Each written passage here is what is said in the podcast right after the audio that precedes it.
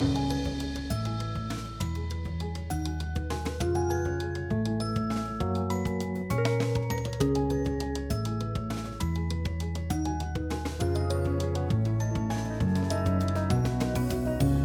Hjertelig velkommen til nok en utgave av Faktasjekken her på NRK P2.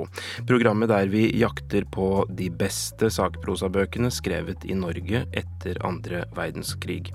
Her er det også snakk om en hel del bøker som har vært med på å forme vår kollektive bevissthet. I dag skal vi snakke om bøker i sjangeren populærvitenskap, og vi har inkludert bøker om samfunnsvitenskap og humaniora. Og i løpet av dette programmet skal vi altså finne ut hvilke hvilke fem titler det er eh, medlemmene i Norsk faglitterær forfatter- og oversetterforening har stemt frem som de aller viktigste. Rundt bordet har jeg med meg et eh, panel. Velkommen til dere. Takk for det. Takk. Takk. Eh, rett ved siden av meg til venstre her sitter eh, Henrik Svendsen. Du er eh, geologiforsker på Universitetet i Oslo. Og vi skal jo først forholde oss til en langliste her på 25 titler. Og når det gjelder den, så er du helt uskyldig. Du har ikke vært med på å velge ut de bøkene, men er det noe som renner deg i huet når du ser på denne oversikten? Ja, det er en veldig, veldig spennende oversikt, kan jeg røpe da, for, for lytterne her. Jeg må bare legge til at altså jeg begynte å studere på Blindern da, på 1990-tallet. Og da fikk jeg øynene opp for populærvitenskap. Eh, så mye av det jeg har lest av populærvitenskap, det, er ting som ble utgitt kanskje da på midten og slutten av 1990-tallet. Mm. Bare et eh, idiotisk spørsmål her. Hva er populærvitenskap? vet du hva, Det er et veldig godt spørsmål. Det er ikke helt enkelt å svare på. for det er Ofte så forbinder vi jo populærvitenskap med popular science på engelsk, og science da refererer til naturvitenskap. Men jeg ser på populærvitenskap og egentlig bøker som er skrevet for allmennmarkedet. altså man man prøver å, å rekke ut til de der utenfor, uh, uavhengig av fagfelt. Så en historiker som skriver uh, bøker ment, på, ment, for et allment publikum, er like mye populærvitenskap som en geolog som skriver bøker. Mm. Men er det liksom noe av det flotteste som fins? Jeg mener dette her å skulle allmenngjøre noe intrikat og vanskelig? Uh, det er noe veldig viktig over det, vil jeg si.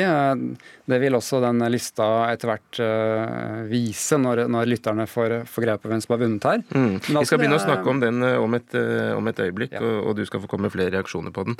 Vi har også med oss Johan Tønneson, professor i sakprosaforskning. Meget kompetent mann, da, som alle vil forstå. Du er en av de tre som, som er med og står bak denne lista. Hva slags kriterier har dere lagt til grunn når dere har funnet disse 25 titlene? Vi har nok tenkt mye på eh, at det skal være bøker som har vært viktige i det norske samfunnet. Og da vil dere eh, også straks høre at det er en del bøker som har løpt sammen med f.eks. film, f.eks. sammen med eh, TV-satsinger, mm. f.eks. sammen med sosiale bevegelser. Så de skal altså ha hatt en, en virkning, da. Og derfor så har vi ikke nominert en del av de sånne opplagte nye som jeg nå kan tenke meg at radiolytterne skriker inne og sier hvorfor har ikke f.eks. Henrik Svendsens bøker eller Dag Hestens bøker kommet med på den lista? Mm, Henrik Svendsen er blid her, i hvert fall. Det får vi ta som et ja, eh, Han er jo faktisk en av de som har bidratt på populærvitenskap eh, i den klassiske betydningen, som altså er fra naturvitenskap. Hvis jeg bare kan si noen få ord om dette, så er jo det noe som diskuteres heftig nå om dagen i forbindelse med forskningsformidling, som er den tredje oppgaven til akademikerne ved siden av undervisning og forskning. For det arter seg litt forskjellig i humaniora og samfunnsvitenskap og i science, altså naturvitenskap og teknologi. Eh, ta matematikk som eksempel. Der kan du ikke drive og populærvitenskap og skrive på samme måte som du skriver til fagfeller. Men det kan man i litteraturvitenskap. Det kan man i historie. Så det er en ganske eh, viktig tilføyelse til det som Henrik sa her, med et veldig sjenerøst populærvitenskapsbegrep. Da. Mm. Da tar vi med oss eh, den sjenerøsiteten videre, holdt jeg på å si. Og jeg har også med meg Nina Kristiansen her, redaktør i eh, forskning.no. Jeg vil tro at eh, popularisering ligger ditt hjerte ganske nært? Ja, det er jo det vi driver i, i forskning.no. I motsetning til de to andre i denne juryen som skulle lage denne langlista, så er jo jeg journalist og ikke forsker. Og jeg tror jeg er ganske sånn streng i hvordan jeg definerer populærvitenskap. da, Fordi Henrik var inne på det at man skal skrive for et bredt publikum, men jeg mener at man skal også faktisk nå ut. Det hjelper ikke å skrive populærvitenskapelig hvis man ikke blir lest. Eh, oppdraget vårt var jo litt sånn å finne fram til eh, bøkene som har formet Norge. Eh, og det var jo ganske en stor oppgave, og litt vanskelig oppgave. Og vanskelig å påvise, kanskje? Ja, men det vi ofte havna i, det var bøker som burde ha formet Norge. For der har vi mange meninger, ikke sant? Jeg, jeg at, har du et eh, eksempel på en bok som burde formet Norge? Ja, jeg syns jo alle Henriks bøker og, og, Dag Hessen sine bøker, og det er jo massevis altså, av bøker som rett og slett er skrevet for et bredt publikum, men som ikke er lest som ikke vi kan huske vi hadde i hylla, mm. dem liker ikke jeg. Dem syns jeg i hvert fall ikke skulle være på lista. Ok, Så da kan vi ta fatt på denne lista litt. Begynne med deg, Danina Kristiansen. Kan du liksom eh, droppe noen titler som Altså ikke eh, droppe i den forstand at vi skal utelate dem, men uh, nevne noen titler som ja. står på denne lista? Jeg kan jo f.eks. nevne en bok som kanskje er skrevet for et uh, bredt publikum, og kanskje burde ha formet Norge, sånn som Jens Arup Seip, 'Fra embetsmannsstat til ettpartistat'. Jeg tror ikke folk har lest den. Eh, hvorfor men, burde man ha lest den? Eh, hvorfor man burde ha lest den? Jo, det er jo en viktig, det er jo viktig sånn innsyn i norsk historie og norsk politikk. Men jeg kan ta et eksempel på en bok som mange flere har hjemme, da, som aldri havna på eh, lista engang. Det er f.eks. Ingrid Espelid. Den rutete kokeboka. Den, den liksom datt ut av lista vår. Men der har du virkelig populærvitenskap. Altså Det er ikke bare liksom en sånn samling av interessante oppskrifter, men du har ernæringskunnskap. Det er gjort i samarbeid med en forsker. Det er liksom bygd opp sånn at vi skal få et godt og riktig eh, kosthold i tråd med den vitenskapen som fins på området. Det er sånne bøker jeg liker, da. Ja, og Hun er jo da tatt eh, vare på, Ingrid Espelid Hovig, eh, av en eh, annen jury, holdt jeg på å si, ja. i, i, denne kåringen. Og vant jo også sin kategori, må være lov å minne om. Johan Tønneson, hvilke av disse titlene er det liksom som står ut for deg? Jeg fikk lyst til å gå videre etter det kriteriet til Nina Kristiansen her. Har en bok foran meg som heter 'Livet i fjæra'. Og Det er altså en bok som nettopp har stått i de tusen hjem i bokhyllene, og som du utstyrer deg med når du skal ned i strandkanten, enten som voksen entusiast eller ha med ungene, og skjønne forskjellen på forskjellige tangarter og og, og skjell. Og den er kommet i massevis av opplag, forfattet på norsk av Kirsten Bergan, opprinnelig en dansk utgave, så den er virkelig sånn gjengangerbok i norske og nordiske hjem. Og den er kjempegod å ha med seg, og den har jeg da selvfølgelig brukt selv. Men så skal jeg få ta en til, og det er en som nok ikke så mange husker nå. Men av Per Høst, eller Per Høst var han er blitt kalt for den Norges fremste dokumentarfilmskaper. Han lagde altså sånn Han var litt læremester for David Attenborough. Jobbet sammen med ham.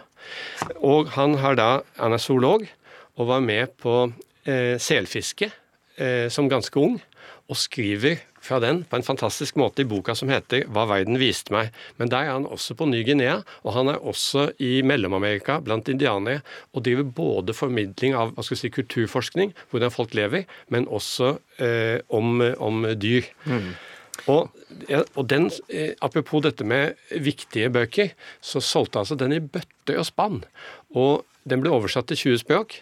Og den eksemplaret som jeg sitter foran meg her med nå, det ble ut, det var gjenutgivelse fra Bokklubben i 1973. 10 000 eksemplarer.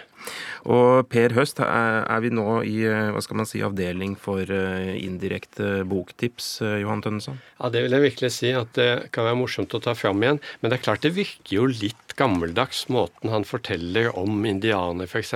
på. Men samtidig så er det artig å lese hvor respektfullt han skriver om dem i en tid hvor min eh, generasjon da, eh, fløy rundt og lekte cowboy-indianer på den gamle måten, hvor liksom indianerne var de slemme som tok skalpen av oss og sånt noe. Mm. En liten siden vi var inne på det morsomme om Per Høst, der så må jeg bare nevne at han skulle på den første ishavsekspedisjonen, så var det en tannlege som sa at du bør være tannlege om bord. Ja, men jeg kan ingenting om tenner. Ja, du skal få et halvtimes kurs. Så da, sånn ble han tannlege på norske selfangstekspedisjon. Nemlig. Eh, Henrik Svendsen. Eh, nå håper jeg at denne lista med 25 titler ikke bare vekker motstand i deg. Ser du noen titler her som har en fortjent eh, plassering? Ja, jeg vil gjerne trekke fram én bok, og det er 'Havboka' av Morten Strøksnes. Det er flere grunner til det. Den første grunnen er kanskje at jeg satt veldig veldig pris på, på å lese den, og det har veldig mange andre i Norge også gjort. Så det er veldig mange som har et forhold til den, til den boka. Men den representerer også på en måte en, den nydreiningen i populærvitenskap, om man vil, som har skjedd de siste åra. På 1990-tallet og 2000-tallet så var på en måte populærvitenskap veldig knytta opp til utenlandske forfattere à la Bill Bryson, Jared Diamond f.eks. Mens hvis man lette etter norske eksempler, så, så var det vanskelig å, å finne. Forleggere snakka om at det var vanskelig å gi ut populærvitenskap, at ingen ville kjøpe det. Men nå, bare i løpet av de siste åra, så har alt endra. Og det kan ha noe med å gjøre at man skriver mer narrativ, altså fortellende type sakprosa og populærvitenskap. Og der fokuset også er på, på ikke nødvendigvis veldig store, eh, altomfattende sammenhenger, men kanskje på, på personer. Hva har dette for, bety for meg? Så er det en ny dreining der, og det tror jeg også da eh, Havboka er et veldig godt eksempel på. Veldig god fortelling, veldig spennende og meddrivende, og ikke, minst ekstremt godt skrevet. Ofte så blir jo sakprosa eh, bedømt på sak og ikke nødvendigvis språket og det, det, det faglitterære. Men dette er altså en veldig, veldig godt skrevet bok. Ja, og den nyeste boka på lista med ganske god margin, eh, Havboka, kom altså i 2015.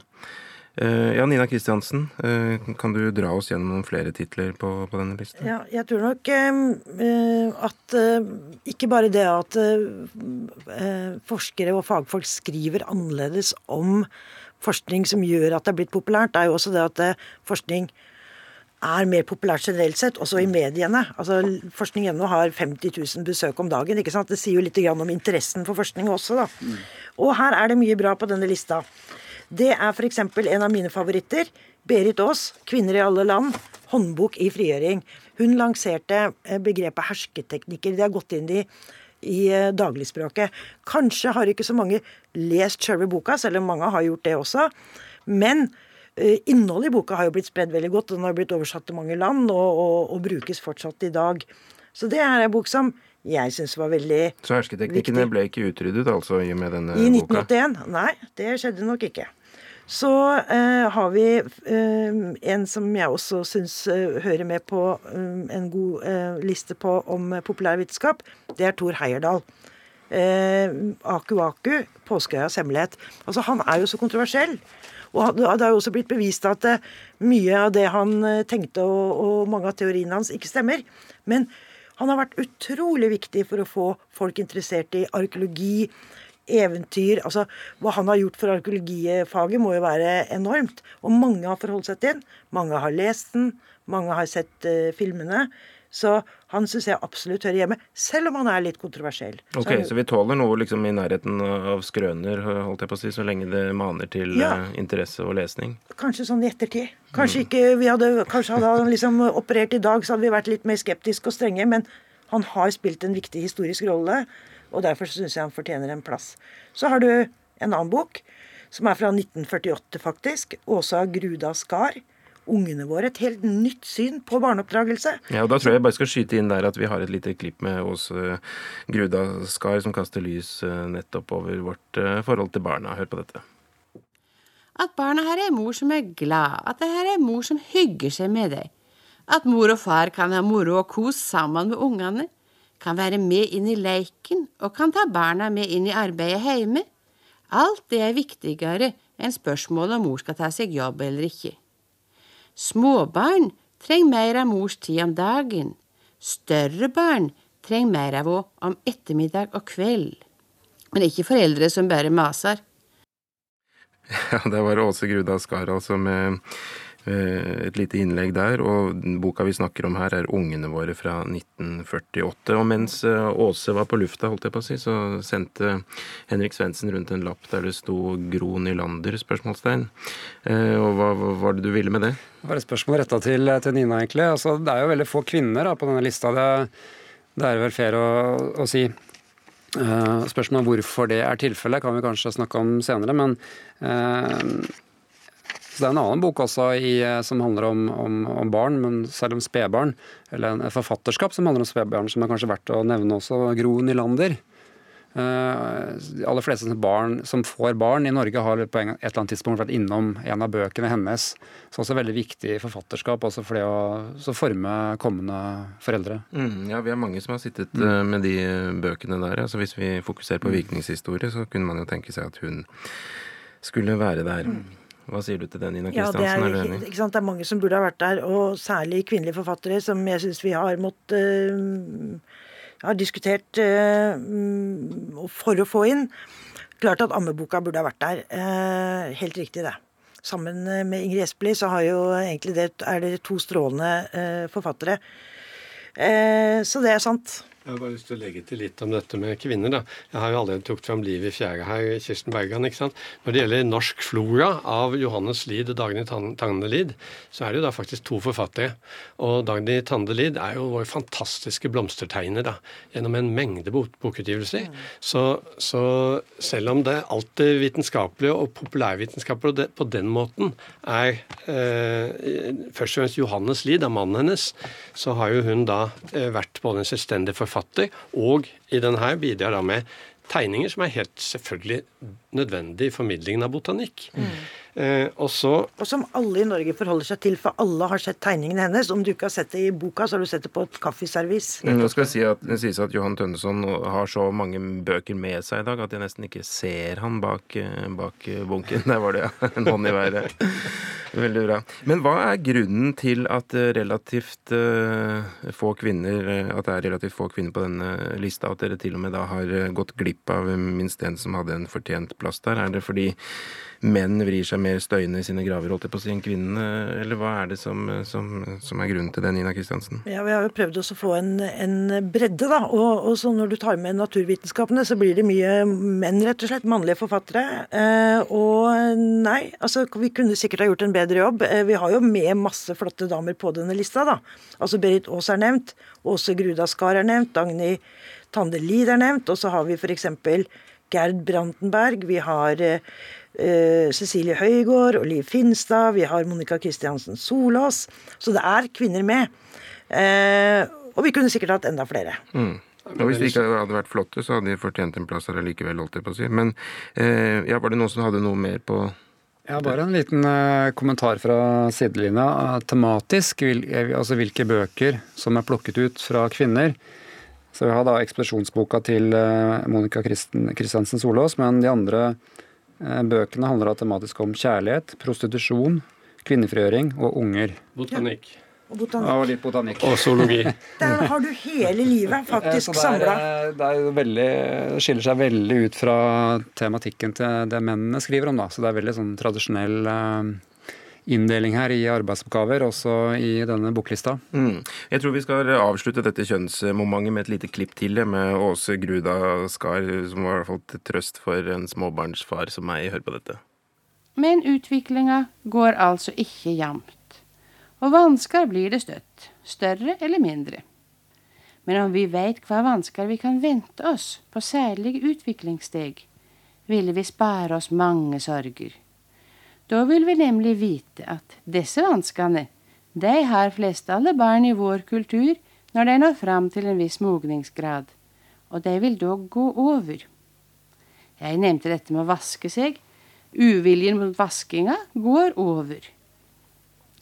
Vi må være budde på at to-treåringen sier nei, vil ikke, vil gjøre det sjøl eller aleine, og at barna i denne alderen blir trassige og til sine tider får sinnerier. Det går over om vi tar det rolig.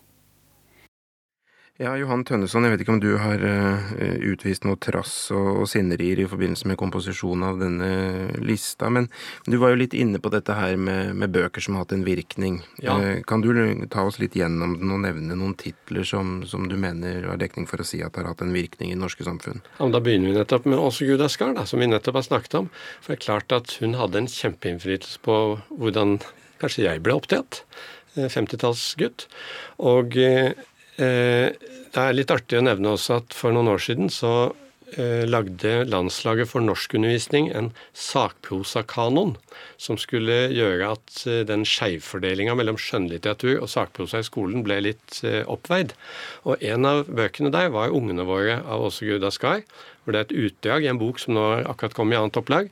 Eh, sånn at eh, det har fått et fornyet liv. Og det gjelder også flere av disse andre bøkene. Så jeg greier jo ikke å, å la være med å ta replikk på Nina her hun snakker om Jens Arup Seibs foredrag fra embetsmannsstat til ettpartistat, som han altså holdt i det norske studentsamfunn. Stappfull sal! Et kjempeengasjement. De som var der, de glemmer det aldri. Ja, men det, det, Da må vi bare rett og slett skyte inn at vi har muligheten til å være der, holdt jeg på å si. For vi har et lite klipp med Jens Arup Seip i Det Norske Studentersamfunn. Stortinget er forsvunnet som statsmakt.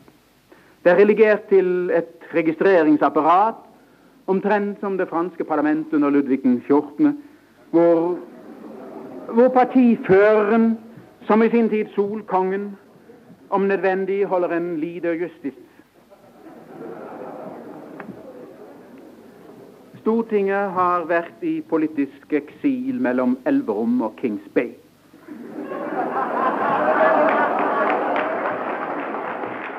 Jeg vet ikke hvor mange som liksom slår seg på låret og ler uhemmet av, av, den formuleringen nå, ja, men det er ikke noe tvil om at han hadde publikum i sin uh, hule hånd, Tønneson? Nei, det er det ikke. Og den slo jo inn som en bombe i offentligheten den gangen. Og sånne garvede politiske journalister og kommentatorer som Gudleif Forr liksom, Du snakker ikke med lenge med ham før han kommer tilbake til Jens Haup Seip og, og dette foredraget og den inndelingen. Og hele den svære boka 'De nasjonale strateger' av Rune Slagstad den er selvfølgelig også altfor tung og svær til at folk flest har lest den. Men den har også sånne ringvirkninger, fordi at den preger hvordan iallfall historikere, humanister, samfunnsforskere og alle disse som da er lærere i skolen, eh, og elever av disse, tenker om norsk historie. Slik at den Seips foredrag og skarpe og ganske tendensiøse analyse, og nærmest drap, karakterdrap på eh, Gerhardsen, samtidig som han roser ham opp i skyene, det har altså fått store virkninger. Og hvis du spurte om bøker som har hatt virkning og en annen, eh, altså Vi har jo til og med fått to floraer med på denne lista. Mm. og Det er en fin påminnelse om at altså, plantelivet rundt oss, forståelsen av hvem vi er, at det også, naturen rundt oss, faktisk er en del av tilværelsen eh, for nordmenn. Og eh, ja, kanskje i særlig grad for folk i Norden, men også eh, i menneskelivet ellers. Det er viktig, og det er disse eh, bøkene en påminnelse om. Og så eh, ble havboka av Støksnes nevnt, og den er jo temmelig ny. Likevel så syns jeg den fortjener en plass på denne lista, også ut fra kriteriet om den har hatt virkning. For hva er det vi diskuterer nå om dagen ved siden av britiske valget, eh, brexit og sånne ting. Vi diskuterer plast. Vi diskuterer plast i havet. Vi er lei oss og vi er sinte fordi at havet er ødelegges. Og det vekter jo eh, Morten Støksnes alle leseglade omkring for et par år siden på sin fantastiske måte, hvor han kombinerer det med denne historien om å, om å fange eh, dypvannsfisk sammen med skikkelig sånn maskulin eh, båttur. Mm. Eh, ja, skal du ha flere? Ja, gjerne. Ta en til, du. Men kan jeg bare få lov til å skyte inn noe om eh, kategorien? Fordi dette her er en populærvitenskapelig kategori. Og vi snakker ikke om de viktige bøkene eller de viktige foredragene eller de viktige forfatterne. Vi snakker om populærvitenskapelige bøker, og da må det jo ligge et sånt element av at de faktisk står ut til alle. Og ikke bare de som er høyt utdanna eller som var på plass i, på, på, et viktig møte. Hvis du virkelig skal nå ut av alle, så betyr det at da må du befinne deg i bokhylla eller på et kaffeservice, eller at det har blitt en TV-serie eller et radioprogram. Ikke at øh, noen få i eliten, da, har lest og forma. Når du sier at eh, historikere har blitt påvirka av Rune Slagstads De nasjonale strategier, ja, det er liksom akkurat det. Det er historikerne som blir påvirka av det. Jeg sa noe annet også. Jeg sa at lærerne er blitt påvirket av det, ja. og dermed skoleungene i deres forståelse av historie. Dermed lærebokforfattere. Så det er et langt kretsløp her.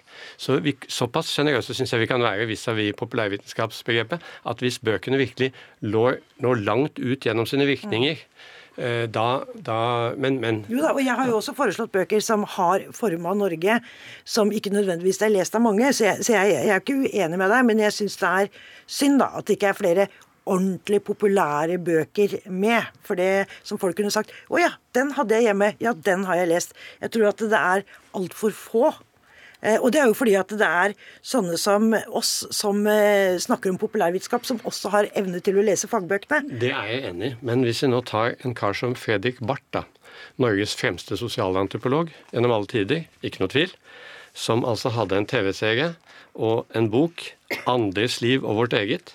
En fantastisk måte å gjøre sosialantropologi viktig for folk flest på. Den var det mange som hadde i hylla. Ja, hvor Kanskje, mange da? Har, ja, har du noe opplag? Nei, Opplagstallet har jeg dessverre ikke nei. der, men TV-serien ble jo, det var jo i slutten av monopoltida til NRK, så vidt jeg husker, så den ble jo sendt i massevis. Ja. Vi skal straks uh, slippe til uh, Svendsen her òg, men vi har et lite klipp der Fredrik Barth forteller hva sosialantropologien har betydd for ham. Det det nok først og fremst har gitt meg, er en opplevelse av, av hva jeg kunne ha vært.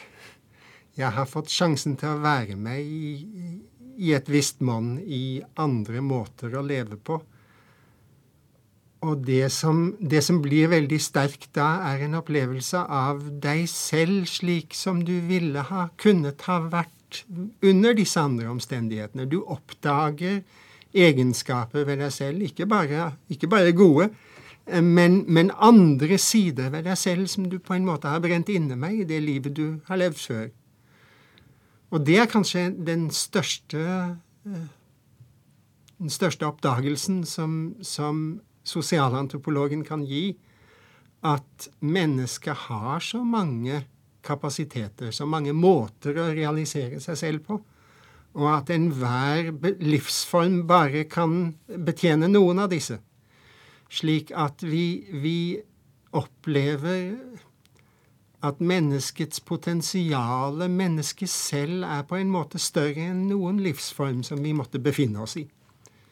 Hvis vi kan begynne å tenke på oss selv og vårt felles gode uten å innsnevre det i kraft av en bestemt kultur, hvis vi kan få utvidet de grensene, på en måte revet ned veggene og se hvor stor verden er, og hvordan mennesker kan delta på så mange måter og skape så mye verdi på så ulike måter, eh, da, da tror jeg at vi har utgangspunktet for å, for å, å, å lage bedre liv. Og det må jo være viktig. Ja, det må jo være viktig. Fredrik Barth, ja, kort eh, Tønneson. Ja, her snakker han jo veldig allment, men i denne boka så konkretiserer han det ved å vise sitt feltarbeid i Eh, en stamme på Ny-Guinea sitt feltarbeid oppe i Pakistan, Afghanistan osv. Så videre, sånn at det blir nært. Og Apropos virkning, så tror jeg den innsatsen hans der hadde stor betydning for hvordan iallfall deler av den norske befolkningen har en viss iallfall interesse og respekt for andre kulturer, som igjen har hatt mye å si for debatten om det flerkulturelle Norge. Mm. Eh, for å dra litt kjapt gjennom lista av titler som ikke er nevnt, så har vi altså Og noe av skjønnheten må jeg si ved denne lista er jo nettopp at den er så sammensatt, og tematikken, eh, tematikken er høyt og lavt, og i alle retninger. Vi har altså Ryvarden og Høylands eh, en bok om sopp. Svein Solbergs rapport fra Reitgjerdet. Så har vi altså Ormestad og Øgrim sin Pølser, fysikk og potetsalat, som vi har vært inne på på en annen kategori også. Et par bøker om kriminologi.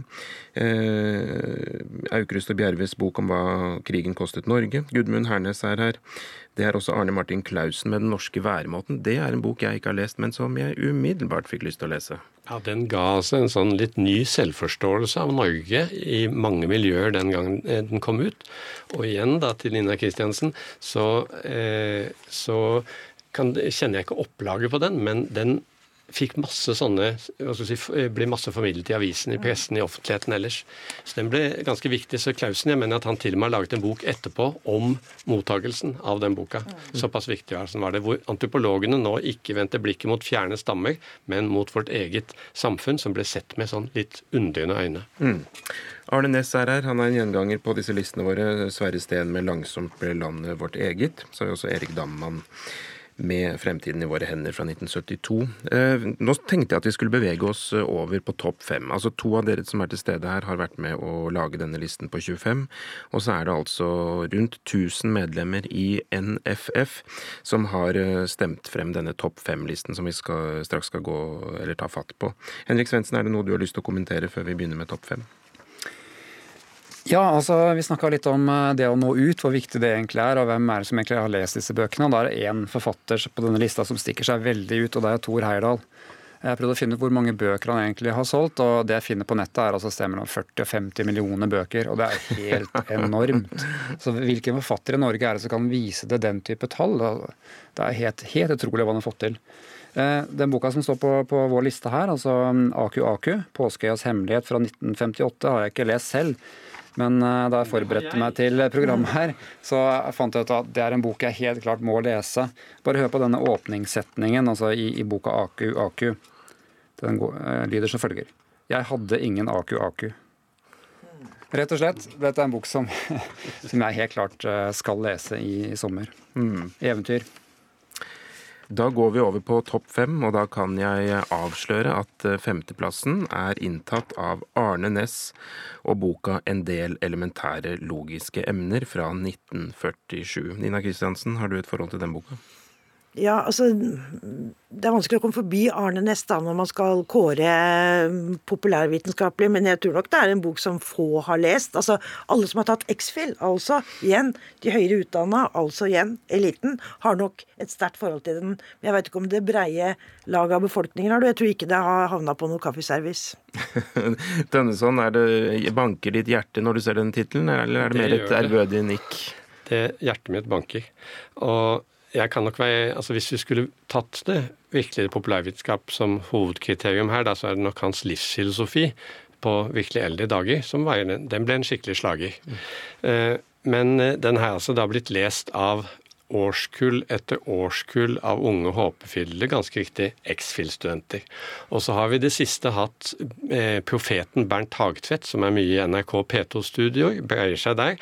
Og han eh, anbefaler jo denne boka gang på gang på gang. Vi må tilbake til en del elementære logiske eh, emner av Arne Næss. Nå hørte jeg at Galtung, den store, tendensiøse polemiker, som ikke kan beskyldes for å leve etter saklighetslæren sånn til daglig, også forleden har anbefalte denne boka. Så den er oppe i debattene hele tiden, enda det er lenge, lenge siden den da var pensumbok. Og så kanskje jeg kan få lese et lite sitat fra boka.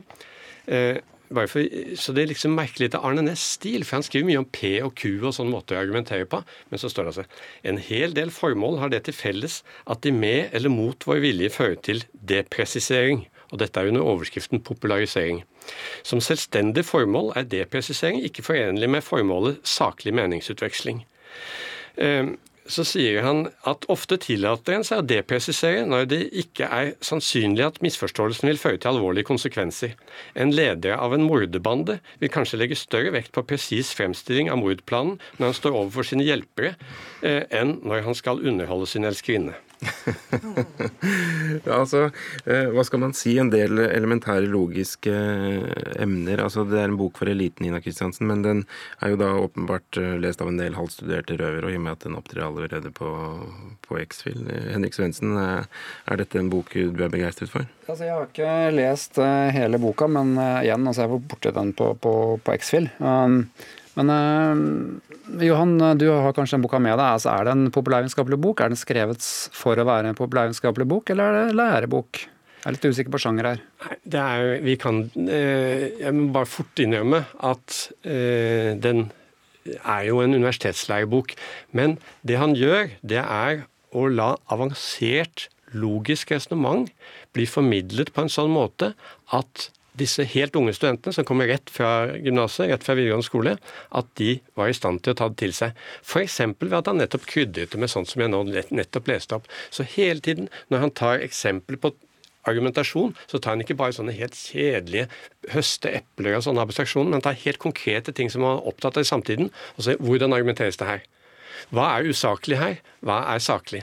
Og han lærer oss sånne begreper som hva er en stråmann? Altså en sånn motstander som du konstruerer, og som, eh, som er mye verre enn, du selv, eh, enn, enn han selv var. Hva ville han, sagt, han sagt om din beskrivelse av Johan Galtung? Da var den innenfor logiske Nei, han ville sagt at den var langt over i det sånn tendensiøse. Han ville antagelig sagt at det var eh, ad hominem, ad hominem Altså jeg tar mannen istedenfor ballen. Og så er det jo et problem, da, at det liksom, det, hva er en morderbande, egentlig? Altså, Det var sikkert eh, aktuelt i 1947, men jeg veit ikke hvor mange som går rundt og snakker om morderbander i våre dager. Nei.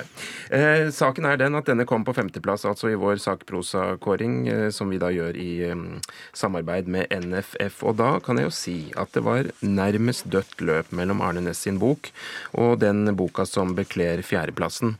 Og på fjerdeplass har vi en forfatter, en antropolog som vi har stiftet bekjentskap med litt tidligere i programmet. Så før jeg avslører tittel på boka, så hører vi en liten utdypning eh, fra forfatteren. Det som er fortvilt i den eh, vestlige postindustrielle tilstand, er vel at vi, vi har følelsen av at det er andre krefter som løper fra oss. Sånn at skjønt dette kanskje var innenfor rekkevidde, så ser vi ikke noen måte å sikre oss det. Andre ting skjer, endringen skjer så fort, og vi, vi skjønner den ikke før det er for sent. Og derfor mister vi sjansene hele tiden. Hvis jeg kan få sagt dette med antropologi, sånn at folk tar konsekvensen av det, så tror jeg at jeg kan ja, Da har jeg gjort noe viktig. Jeg har jo sittet og hørt eh, på en del klipp hvor eh, Fredrik Barth snakker, og han høres jo ut som en uh, veldig mild og god humanist, egentlig. Johan Tønneson, er det riktig? Det vil jeg si at han er iallfall god.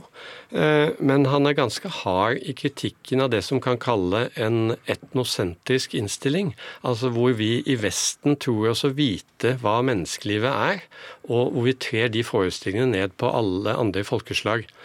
Han beskriver f.eks. samfunn hvor, det, hvor ære står veldig høyt i kurs. Eh, hans kone Unni Wikan har jo vært, en, eh, som også antropolog, en anfører i kampen mot æresdrap. Men han går også inn og at du forstår hva betyr dette med, eh, med ære. Og han sier at når du har slike idealer, nå siterer jeg, som er knyttet sterkt til ære, selvrespekt, til å virkelig gjøre noe ut av den personen du er satt til å være, så får mennesker realisert seg selv på en annen måte enn hos oss, og annerledes fra eh, baktamanene, eh, som var et av de samfunnene han beskrev. Mange av dem blir imponerende sterke personligheter, i motsetning til de fargeløse, pliktoppfyllende hverdagsmenneskene vi stort sett blir i vårt samfunn.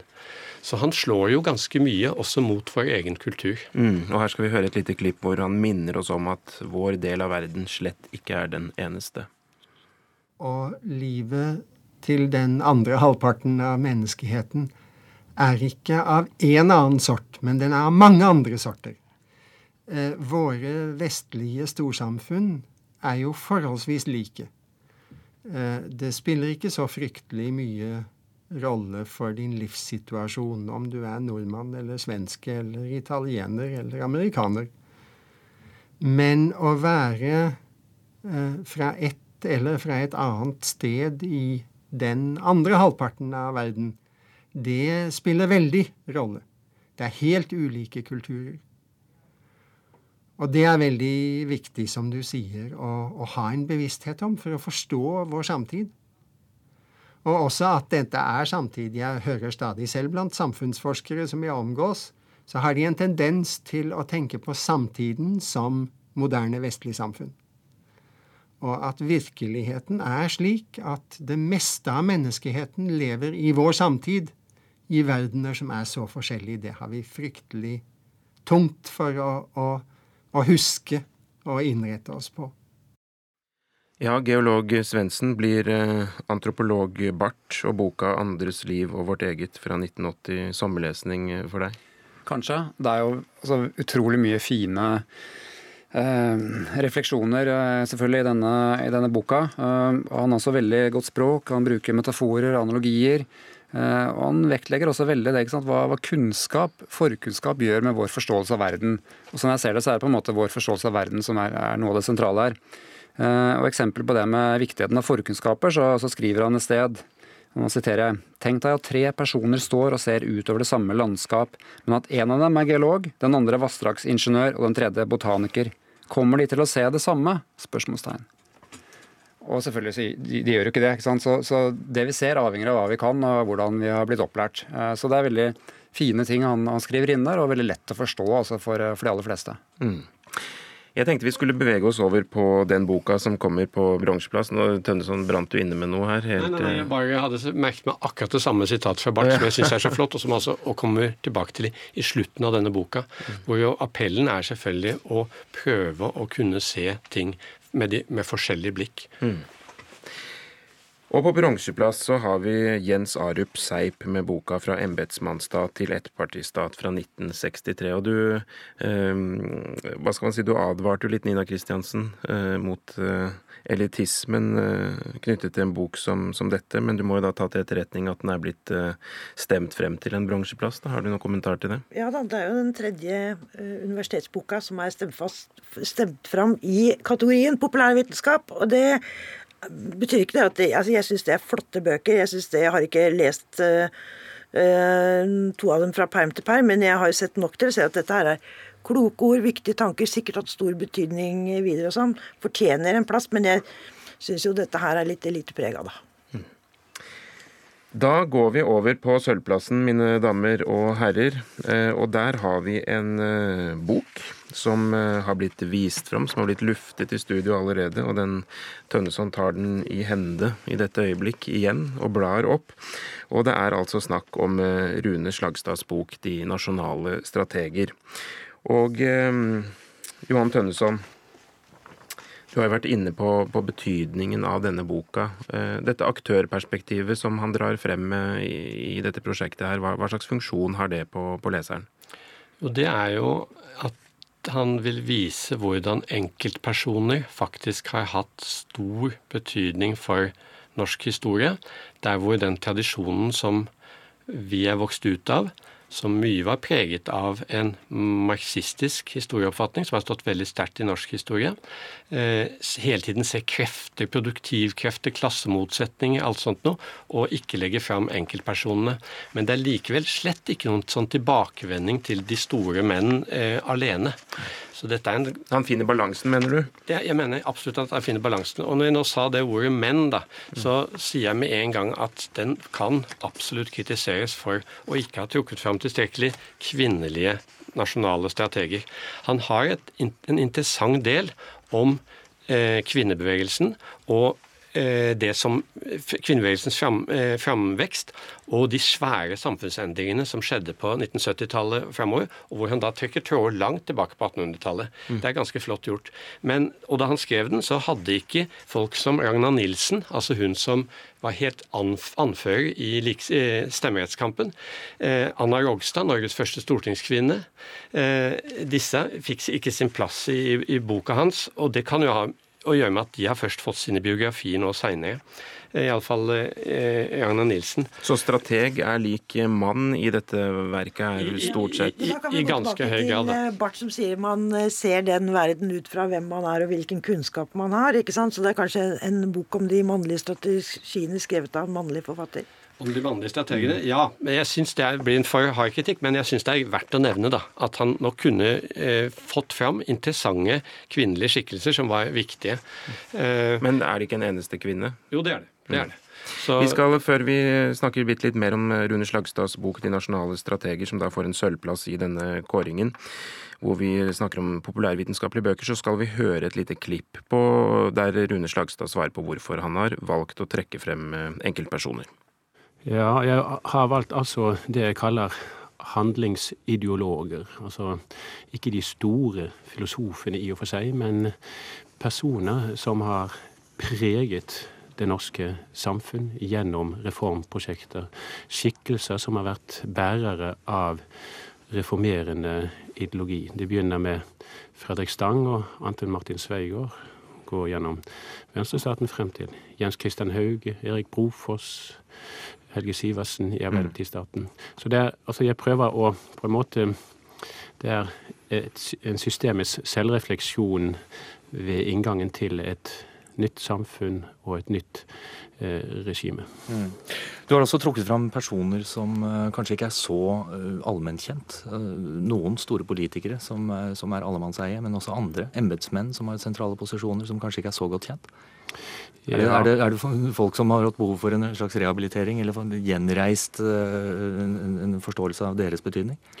Ja, det har vært uh, forsømte tradisjoner En av de er Welhaven, som er blitt annektert av litteraturhistorikerne, men som er en langt mer betydelig ideologisk skikkelse i embetsmannsstaten. En annen er filosofen Monrad, som var mm.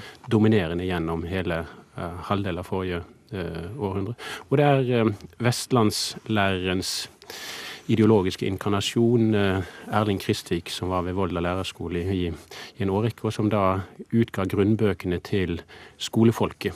Eh, som da ble en nøkkelskikkelse i venstrestaten. Han har blitt søkt stuet bort på et intellektuelt mørkekott mm. på det indre Vestland av de dominerende historikere. De har ikke nevnt ham. De har oversett han, rett og slett.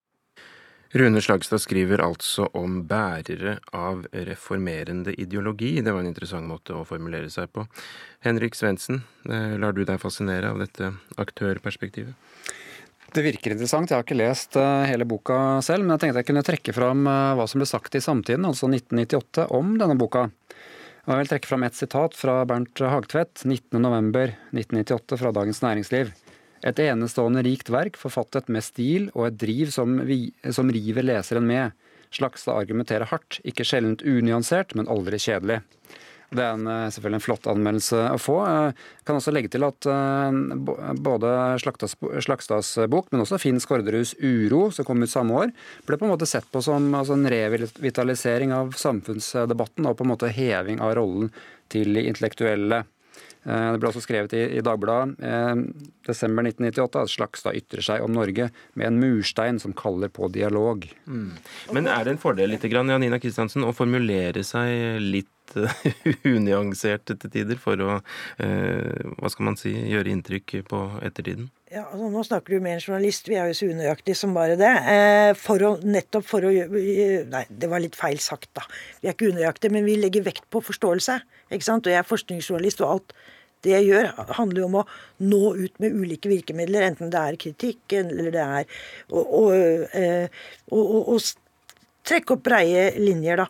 Men på en måte så har jo da den jobben Rune Slagstad har gjort eh, i boka 'Nasjonale strategi', ligner jo litt på, den prosessen som vi har vært gjennom i juryen, bortsett fra at vi har gjort det i miniformat. da. Eh, men nettopp det derre Hvem er det som har forma Norge? Hvem er det som burde ha forma Norge? Og hvem har forma de som har forma Norge?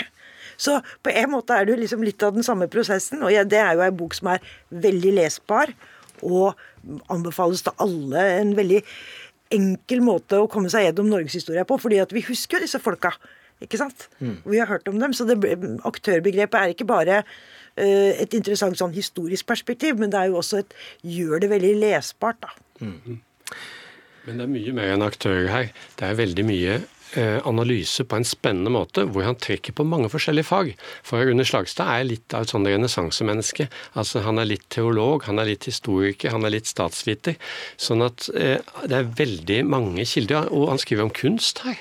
Eh, og trekker det inn i formingen, formingen, av det moderne Norge. Så det er en veldig allsidig bok. Så jeg syns at når vi nå diskuterer denne eh, kategorien populærvitenskap, så syns jeg faktisk at den her må kunne sies å være innafor. For han sammenfatter et svært kunnskapsfelt. Han er jo lærd, så det er herfra til månen. Eh, og så formidler han det med en ganske klar rød tråd, da hvor det er noen ting som mangler. Mm. Og så har han også utstyrt boka da med en iøynefallende tittel, 'De nasjonale strateger', som innvarsler at det er snakk om en slags eh, definitiv bok som man bør ha lest nærmest. Og da, mine damer og herrer, skal vi gå over på førsteplassen i kategorien eh, populærvitenskap. Og Erik Damman, er du med oss? Ja, her, ja. Eh, dette er ikke du informert om, men jeg kan jo fortelle deg at eh, NRK P2 i samarbeid med NFF eh, har, står nå bak en stor sakprosakåring. Og vi snakker i dag om kategorien populærvitenskap, hvor det også er inkludert bøker om samfunnsvitenskap og humaniora. Og etter avstemning så har din bok 'Fremtiden i våre hender' fra 1972 gått helt til topps med ganske god margin. Hva syns du om det? Ja, Det er klart jeg er begeistret for det. Av flere grunner. Også fordi at eh, den boka har vi nettopp nå utgitt på nytt. Jeg håper jo at det skal være interesse for å lese den. Fordi etter fleres mening så er den fremdeles ganske aktuell. Mm. Vi har snakket en del om uh, hvordan disse bøkene har virket i sin egen samtid, og på ettertiden for så vidt. Uh, hva er ditt inntrykk når det gjelder din egen bok? Altså, At den hadde virkning den gangen, jo ikke, var jo ikke til å misforstå. Det var jo en voldsom interesse som nesten tok livet av meg og familien. Vi ble jo nærmest forfulgt, holdt jeg på å si. og da vi arrangerte et folkemøte etter at boka kom, så møtte de opp 3000 mennesker i Nadruhallen. Og det kom busser fra Trondheim og Bergen og Kristiansand og overalt. Og eh, det var, det var, jo en voldsom medieinteresse også. Omtale i media fra alle politiske kanter. Så, eh, og det var eh, det var faktisk ganske problematisk, fordi folk ringte meg omtrent døgnet rundt om natta. for det var, det var, virkelig noe folk hadde lyst til å prøve å være med på. Mm. Og det, det som begeistret oss mest, vi som holdt på med å følge opp denne boka, temaet der, det var jo at uh, meningsmålinger, flere meningsmålinger viste at To av tre nordmenn var enig i bokas hovedbudskap. Man ønsket heller en fordeling av den, det vi hadde i Norge, og en, å øke inntektene videre. Mm, og Det er jo denne setningen som, eh, som, lever videre, holdt jeg på å si. Hvorfor må vi som har så mye, få mer for at de som ikke har noe, skal få nok? Men begivenhetenes rekkefølge er at du gir ut denne boka, og så blir altså Framtiden i våre hender stiftet nærmest som en følge av den virkningen denne boken fikk, er det riktig? Ja, det vil si jeg hadde egentlig allerede da jeg skrev boken planlagt et stort møte og en oppfølging i form av et slags inspirasjonssenter.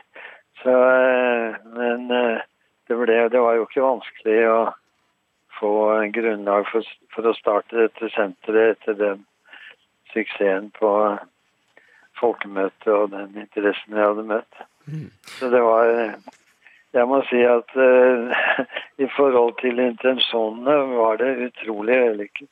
Mm. Nå har jeg tre paneldeltakere rundt meg her. Jeg skal straks uh, få en kommentar fra dem på boka også, men vil bare si tusen takk for at du var med oss, og gratulerer deg med seieren i denne kategorien. Ja, tusen takk. Det ble jeg veldig glad for. Ja, dere. Erik Dammans bok. Er det noen som har en uh, kommentar til det faktum at den uh, gikk helt til topps? En verdig vinner.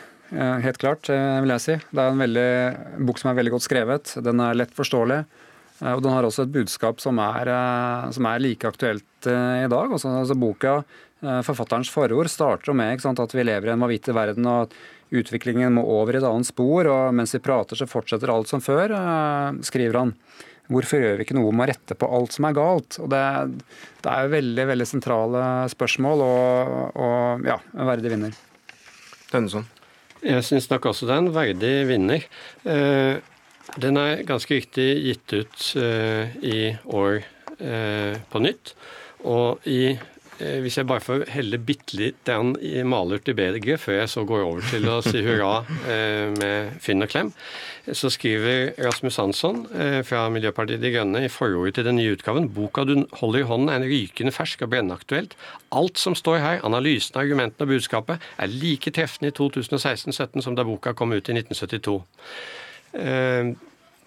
Der er nok en del, når jeg nå leste den igjen, som jeg syns virker litt eh, passé.